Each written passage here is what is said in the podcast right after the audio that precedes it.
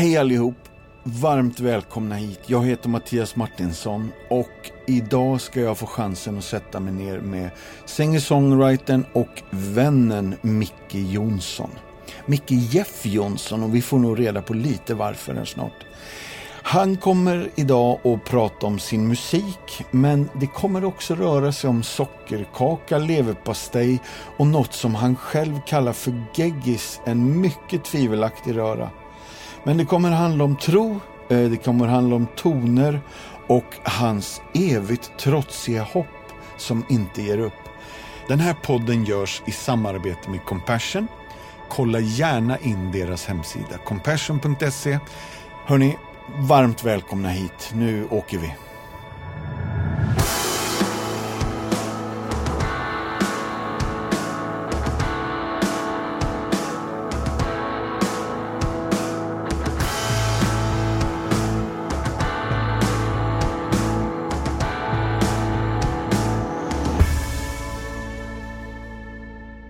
Mina damer och herrar, varmt välkomna hit.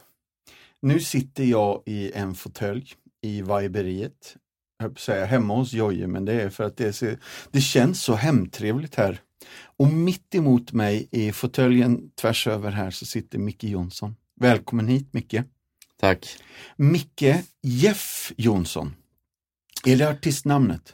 Ja, det får man väl se det som. Ja, Fast Jeff finns ju i mitt eh, personbevis också, det gör det. eller som ett av mina namn. Jag har fyra namn, Erik, Roland, Mikael, Jeff. Så Jonsson. Erik, Men det ska ju sägas då Roland, att- Mikael och Jeff. Förlåt? Erik, Roland, Mikael och Jeff. Precis. Det är underbart att ha Ju fyra. fler desto bättre. Och du sa, det ska sägas. Nå, det är ju det att, att Jeff har ju kommit till senare. Ja, Så är det ju. Men det, det, ja, det är en specialhistoria, men det dök upp någon gång för, för kanske tio år sedan i familjen, eller i den utökade familjen med svägerska och annat sådär. Och sen har jag bara tänkt att det kan vi väl använda som en liten markör. jättebra. Vad säger kidsen hemma då? Och de säger inte Jeff, säger pappa. Ja, vad gött. Nej men jag, jag, jag använder det jag, och en del säger Micke Jeff och en del säger bara Micke Jonsson till Ja. exempel. Nej, men det, är, Ja. det är bara ett namn. Bra. 21 februari 1972. Stämmer det? Och Virserum. Ja men visst, Ja, där, där har du inte varit. Nja, jo jag tror det, men jag minns inte riktigt var, varför eller när. Men Nej, ofta vet man inte varför man, Nej. man åker dit. Nej, jag vet ju i och för sig, jag har min mamma kvar där. Nej men det är ett litet samhälle som, som när jag växte upp var enormt stort, tyckte jag. Och Blomman, det var hela min värld i och för sig. Så att, men eh, det är ju ett sånt där typ av samtal, sa- eh, samhälle som avfolkas.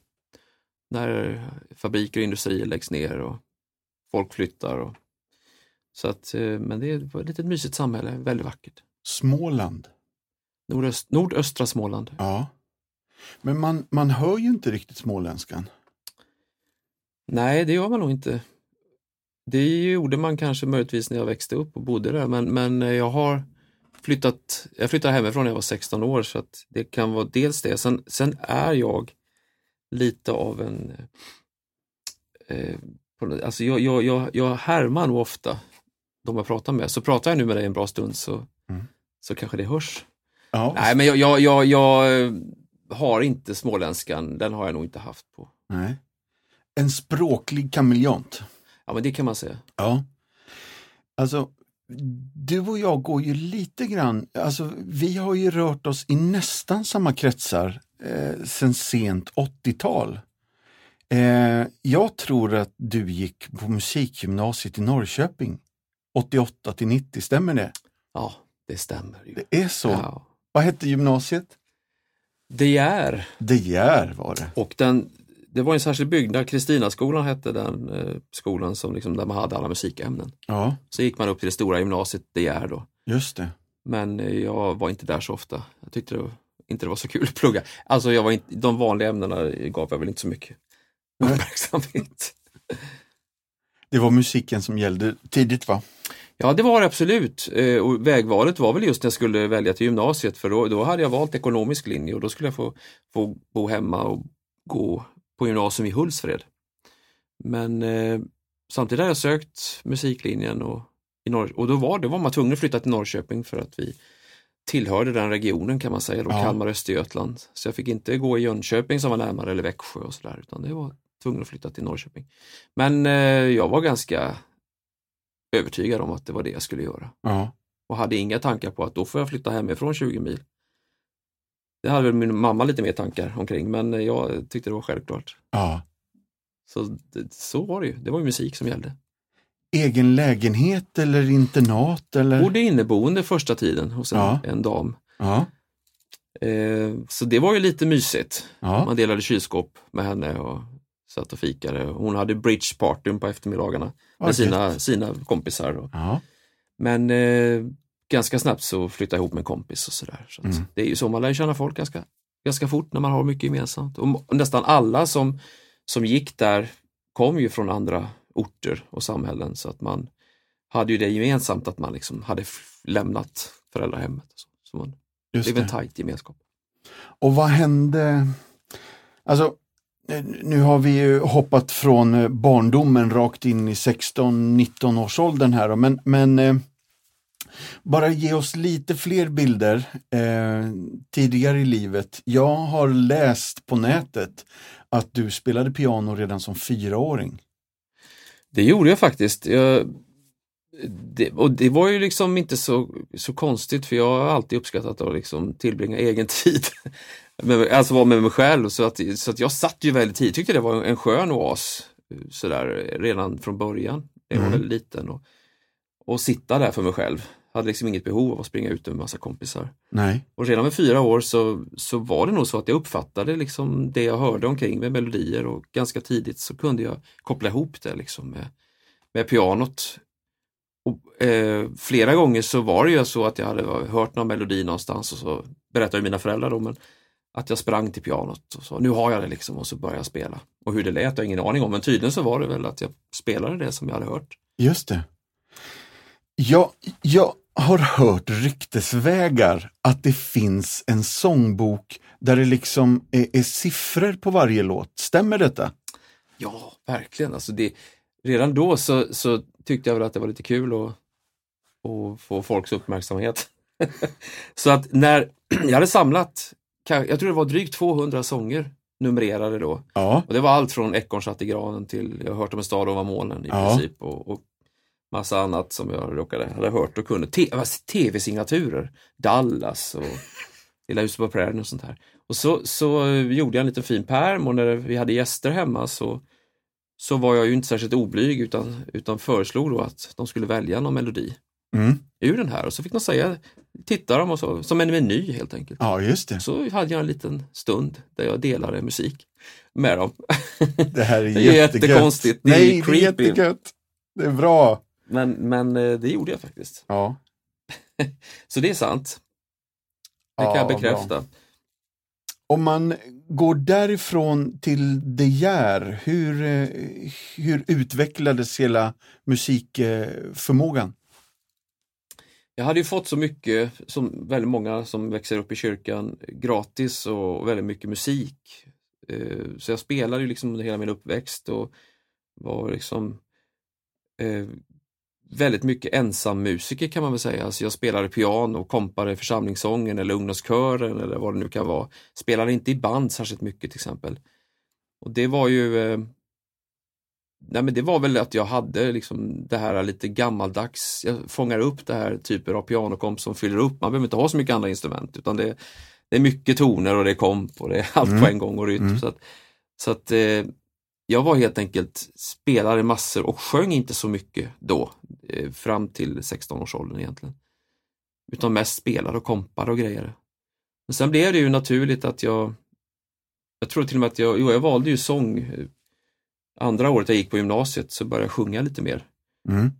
och utveckla den sidan och så blev det ju eh, och har alltid varit sedan dess då en naturlig kombo sång och piano. Mm. Och jag fick ju såklart lära känna massa ny musik när jag började gymnasiet. För när jag växte upp så jag lyssnade liksom inte på alla de här jag, jag, jag önskar jag kunde säga att, att jag satt och lyssnade på de här häftiga, coola, kreddiga banden liksom. Utan jag lyssnar på det pappa lyssnar på, Kalle Julabo och det mamma lyssnar på, Einar Ekberg och naturligtvis ABBA och Melodifestivalen och sådana grejer. Men, men det var liksom inte så sofistikerat och inte speciellt spännande sådär utan det var ju först på gymnasiet man började få upp liksom ögonen för allt från Toto till vad det nu kan vara, Frank Zappa eller Mm. Keith Jarrett och sånt där. Ja. Men det, jag har inget av det i min uppväxt. Nej. Utan det kom då.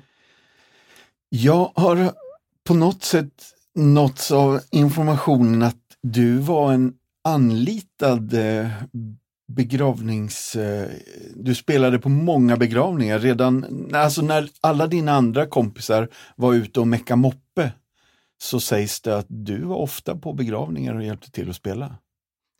Ja, det, det där har jag fått eh, liksom bearbeta många gånger i mitt liv, men så var det faktiskt. Från, jag tror till och med det var från 11-årsåldern. Det är så? Men det var ju att jag började spela till församlingssången i, i vår kyrka, i Philadelphia kyrkan i Virserum. Och pastorn där då var ju sångare och sjöng på mycket begravningar, så då tog han med mig helt enkelt. Oftast var det på samkvämen, alltså efter liksom själva begravningsgudstjänsten, Ja, när man satt åt smörgåstårta och kalla tallrikar och allt vad det var, och Ja. prinsesstårta. Så var jag med. Så då, jag, jag minns så tydligt att, att han jag fick gå hem lite tidigare från skolan och ta på mig någon, något passande klädsel och sådär. Och så kom han och hämtade mig och Ja. så åkte vi ner till hotellet eller församlingshemmet. Och där var, vi satt och käkade. Det tog ju timmar, alltså det, var, det är egentligen väldigt skadligt tror jag. Att I så unga år sitta liksom i, i trånga kläder och, och försöka konversera med, med, med kanske människor som är mycket äldre än en själv. Men så Ja. fick jag spela. Och det blev ju över 100, ja kanske 150 någonting sånt där, begravningar. Oj, Från 11-årsåldern till 16 då när jag flyttade hem. Ja, ja, Så det gjorde jag ju jättemycket. ja, Det var mina första arvoderade gig. ja. Jättehäftigt. Och märkligt. Ja, Men det låg så nära till, till hands på något sätt. Jag hade den musiken i mig. Så att, Ja. Eh, jag vet att en av dina stora förebilder är Per Kalin. Och det finns en incident, en, eller en händelse på Liljeholmens folkhögskola då ni möttes ganska tidigt i din karriär. Kan inte du bara återge den? Ja, men det, det, var, det var en spännande upplevelse. Vi, ja, men jag lyssnade ju på honom under hela min uppväxt, eller inte hela, men, men typ från tonåren och sådär. Mm. Och, och, så den här kursen då på Liljeholmens folkhögskola i piano med honom var ju given. Och det var väl det var 1989 tror jag, så det var 17 år. Så jag åkte tillsammans med två kompisar på den här kursen och, och så var det ju något moment där vi skulle få, få spela upp någonting som han skulle ge lite feedback på helt enkelt. Och då valde jag att spela en låt, kommer jag ihåg då, som Forgiven, en av hans fina sånger. Mm. Och när jag hade spelat klart den där snutten på den så, så, så ställde han bara liksom helt plötsligt en fråga sådär. Jag, jag ser att du, du spelar den ju i, i ass-dur. Eh, ja, det gör jag absolut, så. Det, jag har ju suttit och, under alla år och liksom tagit ut de här låtarna. Så att, ja, men det är intressant, så för att på skivan, jag spelar den i A-dur. Mm. Och då, då gick det upp för mig och sen så fick jag ju det här bekräftat när jag åkte hem till mina föräldrar och kollade. Då har ju vår skivspelare hemma i alla år gått för långsamt helt enkelt. Ja. Så att den har, den har varit pitch liksom en, ett halvt tonsteg ner. Mm. Så då, då vaknade jag upp där i någon slags svettig eh, känsla av att jag har suttit under hela min uppväxt och tagit ut hela den kristna sångskatten egentligen i fel tonart. ja. Det är lite speciellt, så alla hans låtar i fel tonart. Morgonluft i dess-dur istället för D-dur och så vidare. Så att, och det förklarar ju också en del av de här grejerna som han gjorde som jag tyckte var väldigt svåra att göra. ja, För att det går inte att göra i vissa tonarter. Till Nej. exempel att dra handen över de svarta tangenterna och så. just det. Så jag undrar, hur gör han de här grejerna? Ja. Men jag har haft ganska roligt åt det Ja, sen dess. Men det var ju bara att börja om med nya tonarter. det här är ju helt Ja, fantastiskt mycket. jag påminde honom faktiskt om det när jag träffade honom senast här. Ja, Och han tycker fortfarande att det är, det är lite unikt. ja. Ändå. Det är det faktiskt. Både jag och Jojje, våran ljudtekniker, har lite svårt att hålla oss här. Det här är så gött att få höra, Micke. Ja, det är märkligt. Du, om jag, om jag ska ställa en lite djupare fråga. Vad är det bakomliggande drivet? Ja. Det, det, är, det är en jätte, jättebra fråga och jag tror att man, eller jag ställer mig den frågan själv många gånger när man tycker att det kanske Nej, men liksom när man bara håller på med massa grejer och gör saker. Och jag har också varit tvungen att ställa mig den frågan några gånger i, i någon slags vägval och sådär. Men, men det, det, är, det finns, finns det ganska, ganska klart, klart besked från min sida när det gäller det. Och det är helt enkelt eh, passionen. Och det är naturligtvis eh, lite slitet och klyschigt kanske, men, men jag, anledningen till att jag gör det jag gör och fortfarande gör det och tycker så mycket om det och liksom aldrig sett något alternativ, alltså att sjunga och spela och skriva sånger och det här och leda lovsångarna, det är för att jag har, jag har det, det är bultar på ett så tydligt sätt inom mig som ingenting annat gör faktiskt. Uh, av det jag försöker ta mig för i livet. Ja, mm. jag, jag, älskar det helt enkelt. Mm. Och det är ju tur det när man gör det så mycket, men det, det är ett bakomliggande driv. Men när du målar bilden av det, eh, att man som 11-åring eh, sitter på begravningar och spelar, eh, då skulle jag kanske tänka motsatsen. Att man blir lite övermätt på det. Ja, det skulle kunna vara så. Ja. Men jag kan helt ärligt säga att att den perioden när jag gjorde allt detta, jag, jag tyckte det var fantastiskt privilegierat. Ja. Att få göra det här, att få sitta och spela. Och, och liksom, det var ju inget, inget kreativt i sig. Jag menar, jag spelade som jag hade hört alla andra göra, men, men det var liksom, jag, jag älskade att få, få vara i musik själv eller tillsammans med andra. Mm. Det har jag alltid, alltid gjort. Eh, men, men det, är ju, det är ju i omgångar i livet så har man fått omvärdera lite grann eller finlira eller kalibrera kanske lite vad det är man gör. Jag har till exempel aldrig känt att jag är en musiker-musiker som älskar och, och bara vara musiker egentligen. Nej. Jag kan säga att jag är lite, det, det, är så dubbelt, jag är lite ointresserad av det på ett sätt. Jag önskar jag hade lagt mer tid och övat och varit bättre på vissa grejer och utvecklats på de bitarna men jag, jag har aldrig sett det så utan jag, jag spelar. Alltså det, det är någon, någon inre drivkraft bara att få Alltså de gånger jag övat det är ju när jag gjort, när jag spelat offentligt. Mm. Alltså när jag har fått vara i det, när jag haft en uppgift på något sätt. Eller ett, det låter jättekonstigt kanske men, men eh, jag, jag har alltid haft någon form av plattform eller form av jag har varit kanske behövd liksom på många platser där jag befunnit mig helt enkelt. Vi behöver en pianist eller vi behöver liksom, kan du kompa det här? Eller så så att jag har alltid tyckt det var så självklart. Ja. Så jag har aldrig blivit mätt på det. Nej. Och, och från det, vi måste ju också, jag har inte ens nämnt din, din skivskatt. Sen 2005 har du gett ut sju plattor, eh, varav sex stycken av dem är fullängdsplattor och en är en samlingsplatta, va? stämmer det? Stämmer. Eh, och det här är mycket musik. Det, det har jag insett också. Ja. och eh, det, det, det tror jag att man ser i efterhand att oj, ja, det var ju ständigt liksom nya produktioner och nya låtar under kanske framförallt en tioårsperiod kanske 12-13 år, mellan 2005 och tills för ett par år sedan så var det ju, kom en ny skiva varannat år. Liksom. Ja. Men det, det, är heller ingenting sånt där som, som eh, jag har tänkt att det skulle vara ett alternativ att inte göra det, utan det har bara varit, varit självklart. Ja. Och när man, för mig, och därför att sångerna, dels har sångerna kommit och jag har känt att jag har passionen, jag vill göra det här. Men sen har det också varit ett, ett mottagande. Och hade det inte varit ett mot, alltså om det inte fanns någon som ville lyssna Nej. så hade det varit svårt att göra de här produktionerna, både ja. ekonomiskt och motivera sig kanske till att ge ut dem och så. Mm. Men eftersom det hela tiden har vuxit med, och kommit till nya människor och många har hållit kvar och tyckt det här varit, varit viktigt så har det varit så självklart. Och bara fortsätta göra musik. Ja. Vad, vad är det du skriver om då?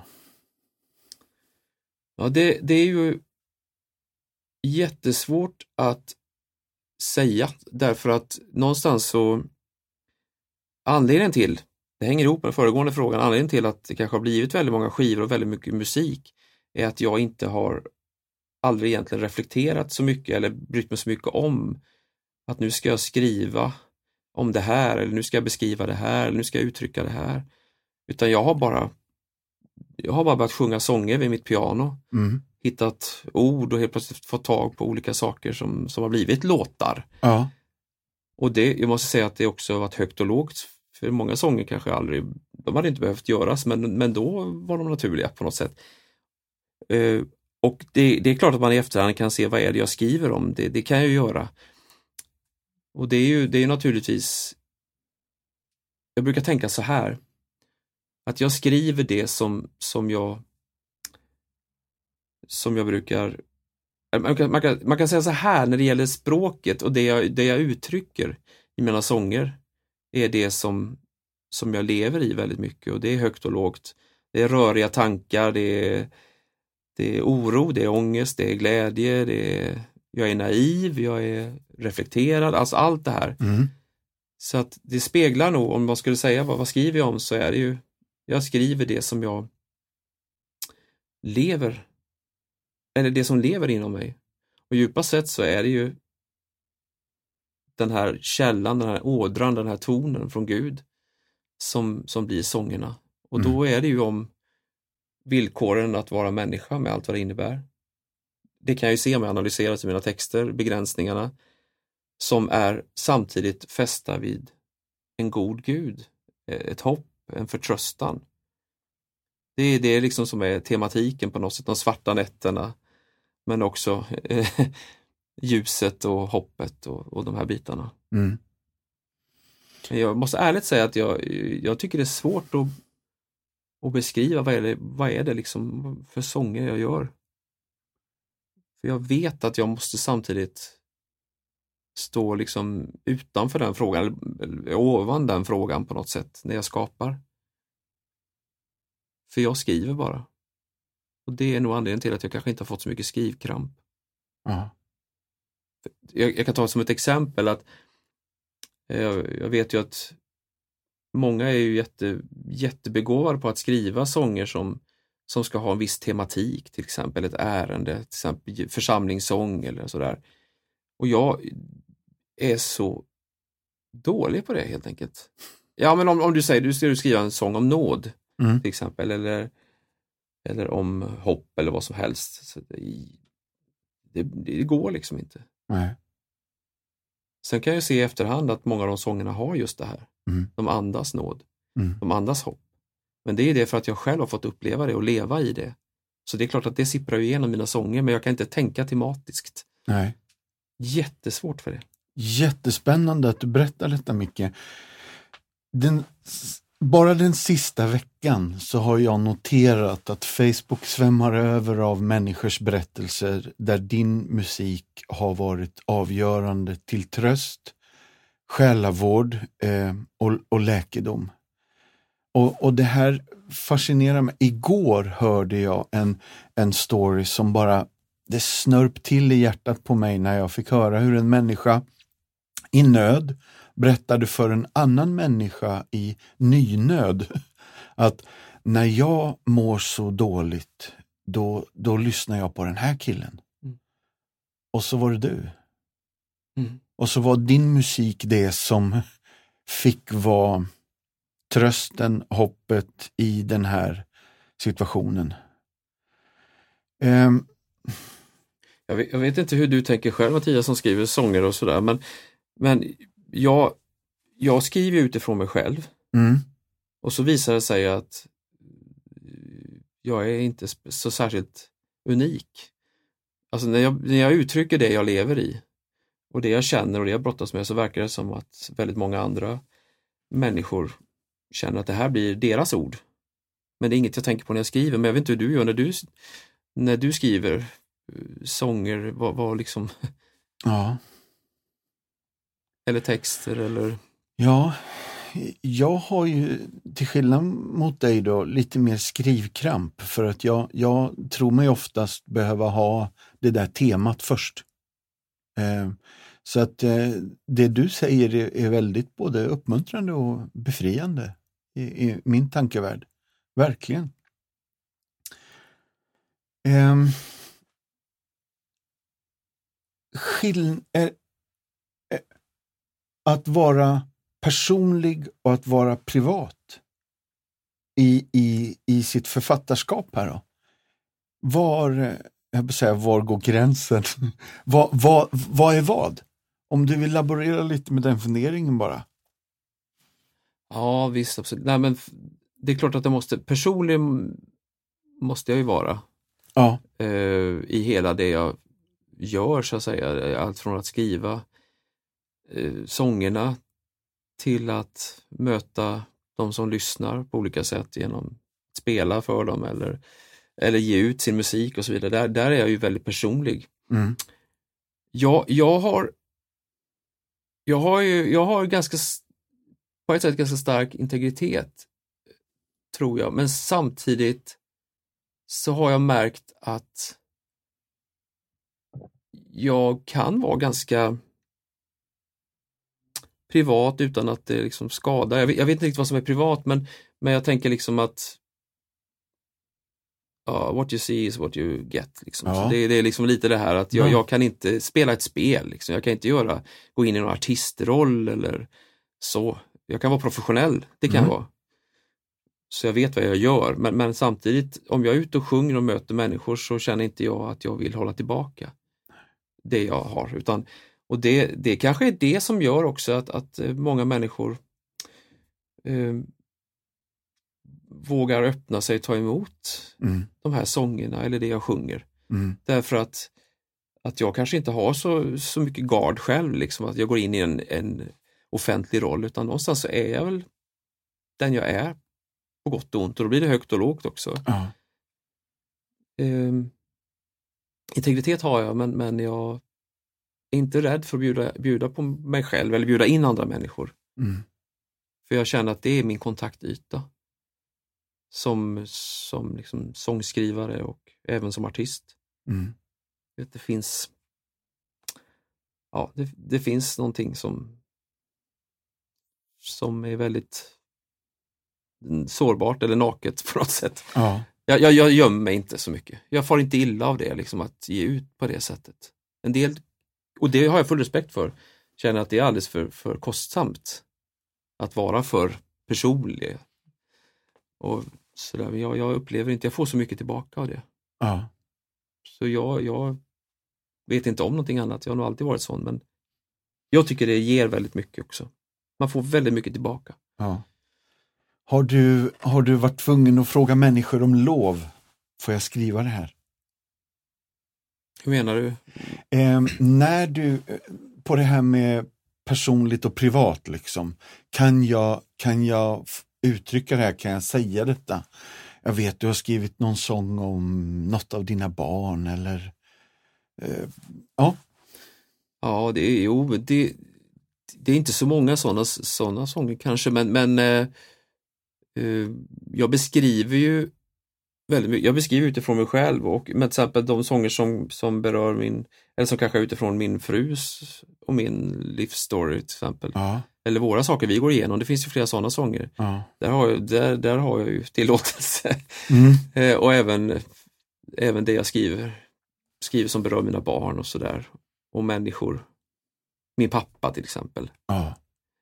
Eh, nu lever ju inte han längre utan, men, men det, och det har ju blivit några sånger utifrån från saknaden efter honom och så vidare. Och det, där, eh, där har min mammas välsignelse tror jag ja. och även berätta om, om honom när jag är ute och, till exempel och rör mig och så. Och jag berättar om min och min frus eh, brottningskamper som vi har haft och till exempel när vi, när vi när vi längtar efter barn och det var, det var en jättelång och brokig resa.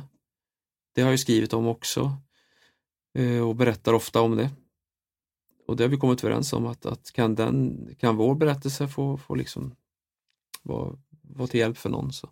Mm. Och där är, ju- då är ju frågan, är man privat då eller är man Ja. personlig? Men det, man får ju hålla det liksom på en, på en liksom ändå en bra nivå. Men, men eh, Som lyssnare så upplever man ju att det här finns en väldigt, väldigt god balans i. Så är det ja, det är ju skönt Mm. om det är så. Ja, och speciellt när jag får höra sådana historier som jag fick höra igår där, där det får vara den här identifikationen. Eh, men inte att det liksom är ett utelämnande av ens privata sådär, utan nu, Ja, Du så, så, nej, men, men, men det är ju ja, det är väldigt uppmuntrande och det får man ju höra. Jag får höra det ganska, ganska frekvent sådär att, att det betyder. Och jag, jag, jag tänkte ibland så här, för jag, eh, jag kan uppleva att, att det är, själv i alla fall, det är väldigt rörigt i, i mitt inre. Alltså det är rörigt i tankarna.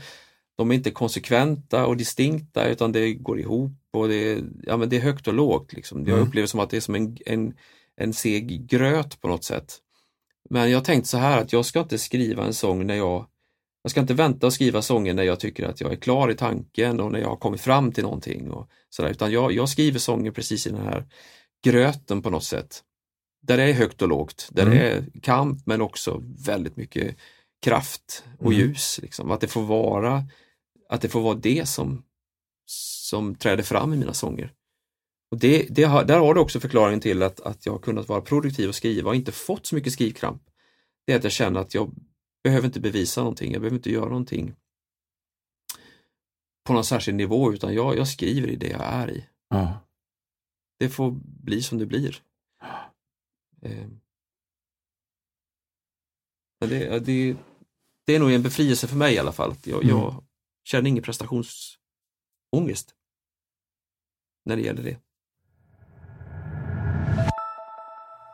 Det har blivit dags att ta en liten paus från samtalet med Micke Jonsson. Och då passar jag på nu Mattias att ställa en fråga till dig, eller ett par frågor i samma fråga egentligen. Jag är lite nyfiken. Du nämnde i inledningen att podden görs i samarbete med Compassion. Vad är Compassion och vad gör de? Ja, bra fråga Jojje. Eh, Compassion är en fadderbarnsorganisation och på fullaste allvar eh, så hjälper de 2,1 miljoner barn. Mm. Så det är otroligt många ungar som får hjälp. Men just nu i coronatider Mm. så vill de ju inte bara hjälpa barn och deras familjer utan även samhällen i stort. Just det. Så just nu är det ju akutbehov Mm. till, till 25 länder och vad är det, 8000 samarbetspartner och kyrkor då Mm. som distribuerar eh, mat, eh, eh, hälsoartiklar och allt sånt där. Som, sånt som behövs liksom. Mm. Mm. Och du och jag och alla som vill kan stötta Compassion, eller hur? Absolut. Hur går det till? Ja, dels kunde man ju bli fadder då. Ja. Eh, då kan man gå in på compassion.se på hemsidan. Mm. Men framförallt i coronatider så är det den här satsningen som heter We Rise as One. Just det. Och den kan man swisha till. Mm. 90 03 64 1. Just det. Ta det en gång till. 90 03 64 1. Mycket bra. Ja. Gör det. Kom igen! När vi spelar in det här så är hela världen på ofrivillig och ovillig och oönskad retreat. Eh, i, I mannamun så kallas det för karantän, att vi på något sätt eh, på grund av corona. Om du fick säga någonting till mänskligheten, vad skulle du säga då? Äntligen. Mm. Tal till nationen. Mm. Ja, nej, jag har inte så mycket att säga. Men det, det man kan säga är att, att det, det, det är ju två ytterligheter som möts i den här tiden. Å ena sidan det här eh, ofrivilliga som du säger, eh, karantänen. Men, men det kommer ju ur ofta någonting som, som vi har varit i alldeles för länge kanske och det är ju ekorrhjulet. Det är den andra, andra delen, alltså där väldigt mycket snurrar på. Det behöver inte vara något negativt att vara aktiv, vara igång och projekt och, och greja och snurra runt och skjutsa barn till fotbollsträningar och resor och allt vad det kan vara. Det är inte det, men, men någonstans så, så är det här en en ofrivillig men ändå en möjlighet, tror jag. Kära mänsklighet. Och jag är, kanske inte tillhör de här eh, som, som är mest, vad ska man säga, inne i snurren på något sätt. Jag eh, lever lite, jag tycker i alla fall att jag och min familj kanske lever lite vid sidan av det där. Vi är egenföretagare och jobbar visserligen som lärare, men, men det är liksom, våra dagar kan vara ganska såsiga, det händer inte så mycket och vi får inte så mycket gjort. Men det jag skulle vilja säga till mänskligheten är att även om man sitter i karantän och känner att man inte kan göra någonting så, så är ju ingen dag, och det kan jag säga bestämt, alltså ingen dag är en förlorad dag. Det Bra. låter ju poetiskt, men, men, men så är det. Så även när man sitter där och inte får någonting gjort eller inte kan göra det som man vill göra, så innebär inte det att det är, det är på minuskontot i tillvaron. Utan det kanske just då som det, det är kanske de som är de största dagarna. Fast Mm. man inte kan mäta det i produktivitet eller i pengar. Mm. Utan det kanske bara är frustration. Men jag skulle vilja säga, om jag får säga så, så, så tror jag att det bästa vi kan göra av den här situationen det är att ta vara på den. Och se vad är, vad är det vi, vad är det som träder fram i mitt liv och i min tillvaro som, som jag kanske inte har sett förut. När allt har varit möjligt, när jag alltid kunnat göra allting. Möta alla människor, resa, Mm. uträtta saker. Men vad är det som träder fram här? Hmm. Jag tror det är jag tror det är så många, många tänker också att, att eh, det här vill vi inte leva i. Vi vill kunna gå på Liseberg och konserter och vi vill kunna göra det, det som vi älskar att göra. Men samtidigt så är det ju så att alltid i en kris så kommer det fram nya saker som man inte har kunnat se förut. Nya värden. Just det. De måste vi försöka vara, ta vara på. Ja. ja, det är bra. Tack för detta. Jag vet inte, jag har, jag har en grej framför mig men då byter jag spår fullständigt. Går det bra? Ja, ja, ja, kör på. Jag har förstått att du har ett speciellt förhållande till leverpastej. Alltså jag är så glad att du tar upp det här. Tar upp det? Ja. Ja. ja, men det hörs ju på ordet. Tänk, vad va, va härligt. Lever, pastej. Nej, jag, jag tycker bara att det är så vansinnigt gott. Eh, och eh, har ju eh, kanske genom hela mitt, min uppväxt också älskat detta. Att få äta leverpastej, macka med gurka och kaffe. Det är en passion. Underbart, det här är så bra. Det här är ju Är det det? spännande information tycker Ja. jag. Jag har också hört att den behöver vara färsk. Definitivt, du får Ja. inte ha en ask öppen mer kanske än i max två dygn. Även om det Ja. står i kylskåp. Och så. Ja. Det ska, den ska vara färsk, Ja. annars blir den obehaglig och Ja. läskig. Ja. Men det, det, alltså jag är så ensam i mitt hushåll att uppskatta det här. Så att eh, det blir inte att jag köper hem det så ofta. Men det finns ju sådana här små Mm. paket va? Det, det, de måste man ju ha. Ja. För en stor ask, ja, då får man ju äta jättemycket hela Ja. tiden. Ja. Men eh, de, de små, de kan man klara sig. Ja. Men det ska vara gärna Ja men gärna kaffe till och en, en, ja, det, det har varit någonting som Jag vet nämligen att jag och en evangelist som heter Karl-Olof Hultby Vi har delat den här passionen. Jag, jag delar lite matpassioner med några så här eh, pastorala människor, till exempel leverpastejen med Karl-Olof Hultby och raggmunken med Thomas Sjödin.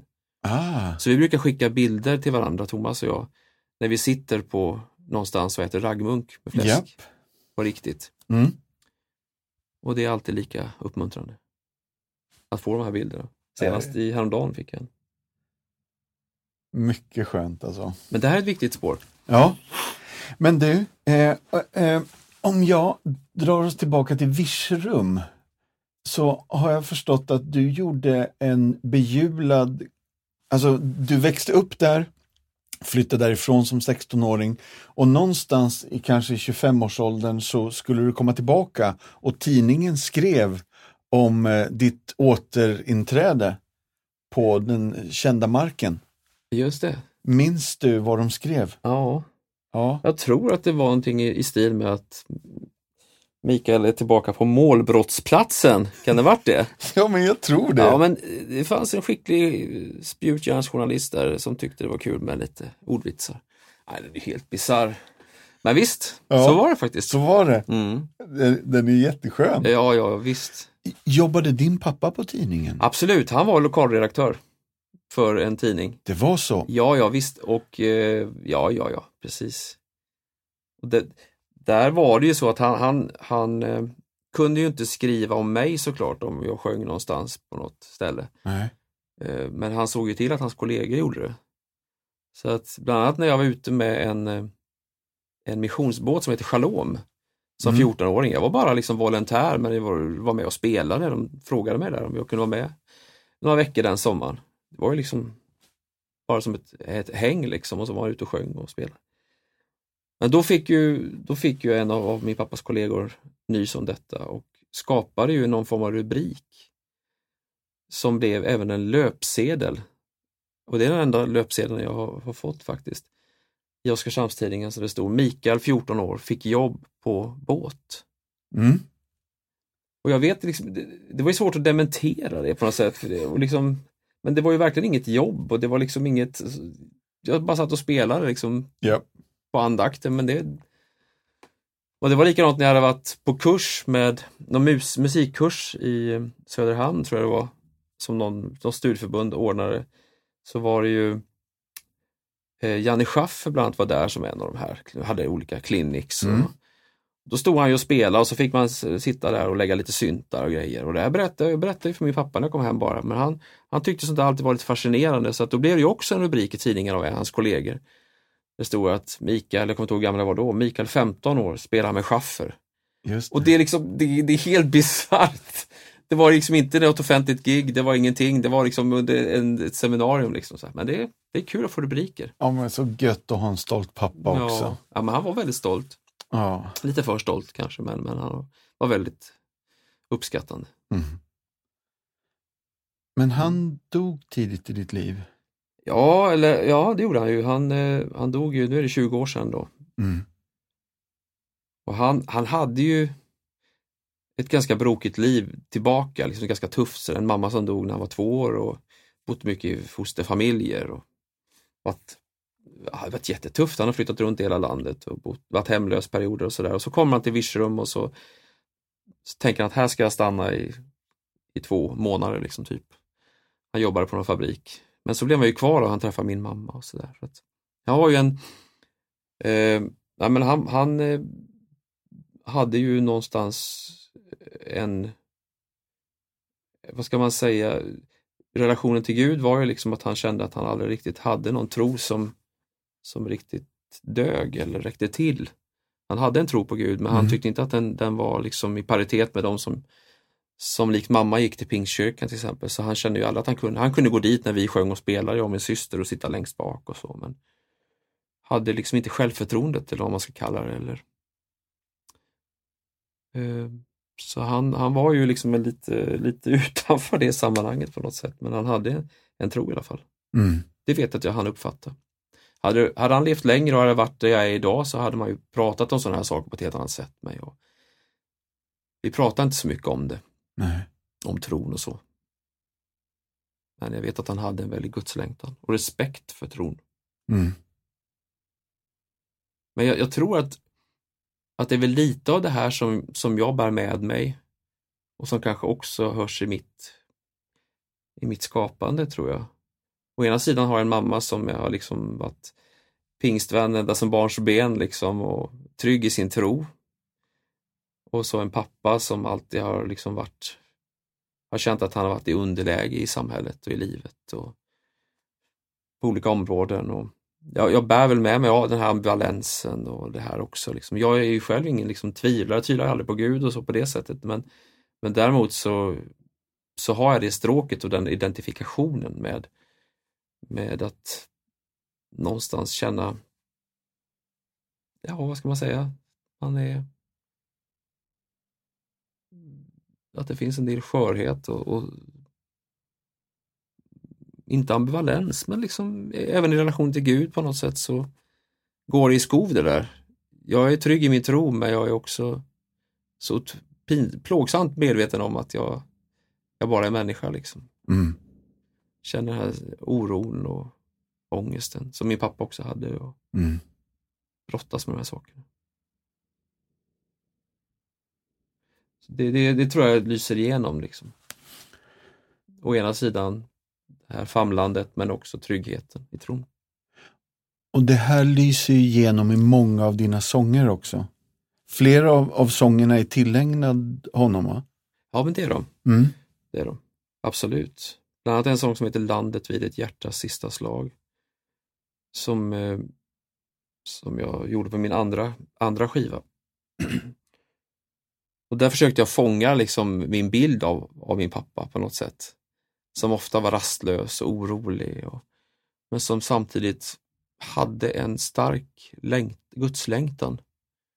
Och att i och med att han, han fick lämna det här jordelivet alldeles för tidigt såklart så, så vet jag att, att eh, han, han har, har liksom han har kommit dit där han någonstans ville vara liksom i den trygga fadersfamnen. Mm. Och min eh, mor då som pingstvän, jag vet hon berättade på en av hans sista dagar i livet på sjukhuset så, så ställde hon den där frågan som, som pingstvänner kanske gör då,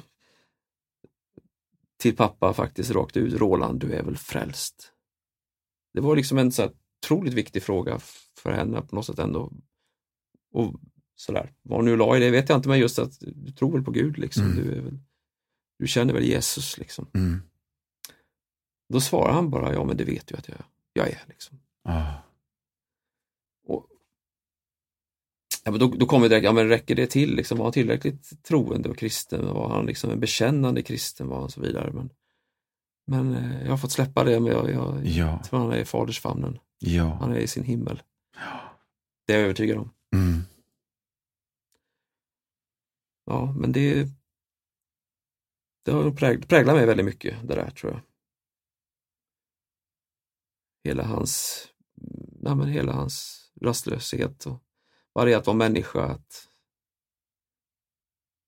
egentligen hela livet tvivla på sin egen förmåga och vem han är. Det gjorde han Mm. på något sätt. Det utstrålar han ganska mycket tycker jag. Mm. Ingen människa tar slut. Är det inte honom? Ja. Det är så? det är den andra sången i raden. Ja. Eh, det, det är ju någonstans och det har heller, när de här sångerna har kommit till så, så har det inte varit att nu vill jag skriva en sång om pappa utan det, det är det som har läckt igenom på något sätt i sångskapandet. Och jag, när jag började skriva den sången Ingen människa tar slut så, så var det den här svindlande tanken på något sätt att vi skiljs från varandra men någonstans så finns vi kvar dels hos de som vi lämnar, som finns kvar på jordelivet, men, men eh, djupast sett hos Gud. Liksom. Det, det, det är inte så att det finns inget slut, slutet är borta Mm. i den bemärkelsen. Och, och den sången blev ju en, en sång där jag väljer lyfta in min egen pappa i den här tryggheten att ditt liv har varken varit förgäves eller det är inte över. Liksom. Det, det, det finns inget slut. Det finns kvar hos oss. Och djupast sett så vilar du, som du alltid har gjort, hos din fader. Liksom. Mm. Och får blomma, kanske på ett nytt sätt där du är nu. Ja ja, vad gött. Jag vill hålla kvar i berättelsen om din pappa, för jag, men jag byter lite spår ändå. För jag vet att du har en förkärlek till leverpastej, det har vi hört nu. Men eh, jag har också förstått att ditt liv har innehållit mycket sockerkaka. Stämmer det? Ja, men det här är ju sådana här saker som, som, eh, som jag inte vågar berätta för mina barn. Men det, det är faktiskt så här att, att eh, jag vägrade äta.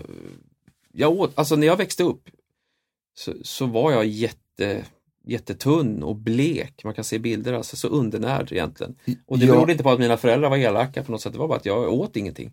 Tunn och blek. Ja, det är inget Vet, bra. jag, har, jag har till och med hört mager. Ja. Jo, det är ju mer Från sann- säkra källor. Ja, jo, men så är det ju absolut. Det, det, det är verkligen så. Men det har, det har att göra med, som sagt, jag gillar inte att äta frukost. Jag, jag liksom inte, jag kunde aldrig äta någonting innan jag gick till skolan och så vidare. Så jag gillar inte några nyttiga saker egentligen överhuvudtaget. Så att jag tror att min mamma ändå tänkte att antingen får vi liksom se vår, vår son tyna bort här, eller så får vi ge honom någonting som han faktiskt äter. Och då råkade det vara just chokladsockerkaka. Och det gick ju åt många i veckan kan jag säga. Så när jag vaknade upp morgonen så var det oftast, det kunde vara en, alltså, två bitar chokladsockerkaka och lite kaffe Mm. innan jag gick till skolan. Och då Och, talade och nu pratar vi kaffe i ganska tidig ja, ålder ja, också. ja, ja, ja, det är ju små, småskolan. Liksom. Ja. ju, ja, ja, absolut. Jag kan väl också avslöja då att det fanns en annan anrättning som jag, som jag kunde tänka mig att äta och det kunde jag äta morgon och kväll och det var någonting som, det här har jag nog aldrig berättat för någon offentligt. Eh, Men, men det var någonting som vi hemma kallade för geggis. Jag fick för mig nämligen att, att det är osmakligt så att vi känsliga lyssnare bör ju liksom stänga av nu. Men man tar en vetebulle, typ en vanlig ja, en bulle helt enkelt och bryter ner den och lägger i en kaffekopp, lägger på två sockerbitar, häller på kaffe och rör runt och så äter man det. Så det var min varia- varierade kost. När man inte åt sockerkaka så var det liksom geggis. Ja. Så det har byggt den här kroppen. Och jag har också förstått att, eller stämmer detta? Din mamma lärde din pappa chokladsockerkakereceptet så att hela familjen kunde assistera din växlande diet med geggis och sockerkaka. Absolut. Det stämmer? Ja, det stämmer. Ja. Nej, men det är ju förfärligt när man tänker på det. Men det är viktigt att det får komma fram, Ja, tror jag ändå. Jag känner att jag behöver prata om det här. ja det är jättegött. Men det, det, ja, det, som inte, det fanns ju nog en väldigt god och tanke och omsorg och sådär, men, men jag mina, min mamma och pappa de har alltid så snälla så de har inte pressat mig liksom att nu äter du upp liksom din rotmos eller vad det är, utan det är liksom de, bara han får i sig någonting pojken så. Är bra. Micke, 2017 kom din senaste platta ut. Jordens lägsta punkt. Vad händer nu? Ja, mycket har ju hänt sedan dess höll jag på att säga, men, men, men liksom jag skriver fortfarande musik och sådär, men det jag känner det här med att göra album är ju, det är ju en stor process, liksom. tungroddad. Det är roligt, men det är mycket, många steg. Det är mycket musik och det är mycket jobb och sådär. Så jag har ju tänkt att jag gör en, ska göra en EP nu. Jag har samlat ihop fem sånger Mm. under våren här nu. Och de vill jag ha ut så fort som möjligt, för de känns som att de ska sjungas och höras Mm. nu. Liksom. Så att jag håller på med en EP fullt. Och den ska vara klar om en Ja, den ska vara klar väldigt snart, men det vet jag inte om den kommer att vara. Men, men den ska ut här Ja. eh, senast i mitten av juni faktiskt. Så Ja. Jag vet inte hur det ska gå till. Mm. Men, eh, men jag har ju, har ju jobbat den här gången då med en ständig följeslagare i Viktor Olofsson som är gitarrist. Och han har varit med och spelat med mig ända sedan ja, min första releasekonsert faktiskt 2005 Mm. Och är ju naturligtvis en otroligt begåvad gitarrist. Så tyckte jag det kan vara kul att få se om han får, får ohämmade liksom, möjligheter att, att vara med och prägla min musik. Mm. Så jag släppt, alltså min intention när jag började jobba med det här var att jag skulle göra väldigt mycket själv och så skulle han få lägga lite gitarr men nu har jag släppt taget, det gick inte. Utan han får köra liksom. Ja. På med alla dina effekter och så kör du liksom. Nej, han gör ett fantastiskt jobb Ja. Tror det är jättebra. Det är absolut ingen, eh, ingen konstig ljudbild, inte så, men, men det, är, det är jättekreativt och roligt. Ja. Och de här, det har varit lättare än någonsin att, att skriva. Mm. Det har varit, och det, det låter naturligtvis också överdrivet, men, men eh, den senaste tiden så har det varit så att varje gång jag satt mig ner och börjat liksom öppna upp för att eventuellt skriva någonting eller fånga någonting så har det blivit en sång Mm. ganska omedelbart. Mm. Och det har naturligtvis att göra med att jag känner mig väldigt inspirerad nu och, och det gör jag. Men, eh, men det är också att vi har slipat successivt i mitt hantverk. Det innebär att jag känner igen signalerna, jag vet vart jag ska ta saker och ting. Jag liksom, det går ganska smidigt, det är ingen jobbig process, utan det finns, det faller på plats ganska smidigt.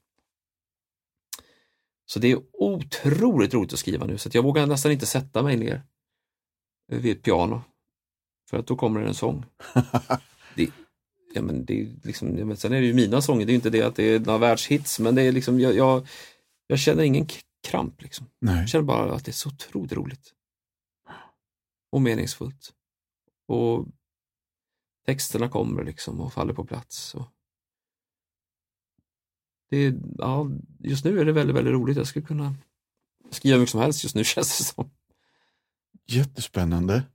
Ja, men sen är det ju det här att jag är ju jag ger ut min musik själv och det har jag gjort ända sedan, sedan början så att jag är djupast sett exekutiv producent också. Jag bestämmer ju vilka låtar som ska vara med. Mm. Hade jag suttit med någon eh, hårdnackad eh, skivbolagsboss, boss kanske inte blivit några skivor överhuvudtaget. Nej. Men, men eh, liksom jag, jag går på det jag känner att jag ska göra. Det är väldigt frihet. Ja. Och då blir det så här. Då bestämmer Då- jag att nu ger jag ut det här. Nu Mm. kör vi. Ja, vi är väldigt tacksamma att du ger ut dig själv då så att ingen skivbolagsboss plockade bort de här låtarna. Du Micke, jag tror att vi ska avrunda. Eh, är det någonting du tycker att det här känns för väsentligt för att inte få med? Det här behövs sägas. Någon annan maträtt vi behöver nämna? Jag, ty- jag tycker vi har nämnt de viktigaste maträtterna just nu. Det är raggmunk med fläsk. Och, Det finns en fråga faktiskt som jag sitter och, och trycker på här. Vilken gurka undrar jag faktiskt. ja, det Det sa du aldrig, men det kan ju vara en vattendelare. ja, det är det faktiskt. För att Ja. den ska helst vara en eh, så att säga naturell gurka. Ingen inlagd gurka. Färsk och naturell. Ja, Ja, det är bra. ja jag jobbar med det och jag, jag tycker det gifter sig väldigt fint med leverpastejen. Tack snälla Micke för att du tog dig tid att komma hit. Vi uppskattar dig så och är så tacksamma att du gör det du gör och att du fortsätter att göra det du gör. Vi vill bara önska allt gott med det som ligger framför här nu. Och tack för musiken. Tack så mycket själv. Tack alla för att ni har lyssnat. Om det fanns intressanta detaljer i podden som du vill kolla upp, till exempel referenser till sånger, böcker, filmer.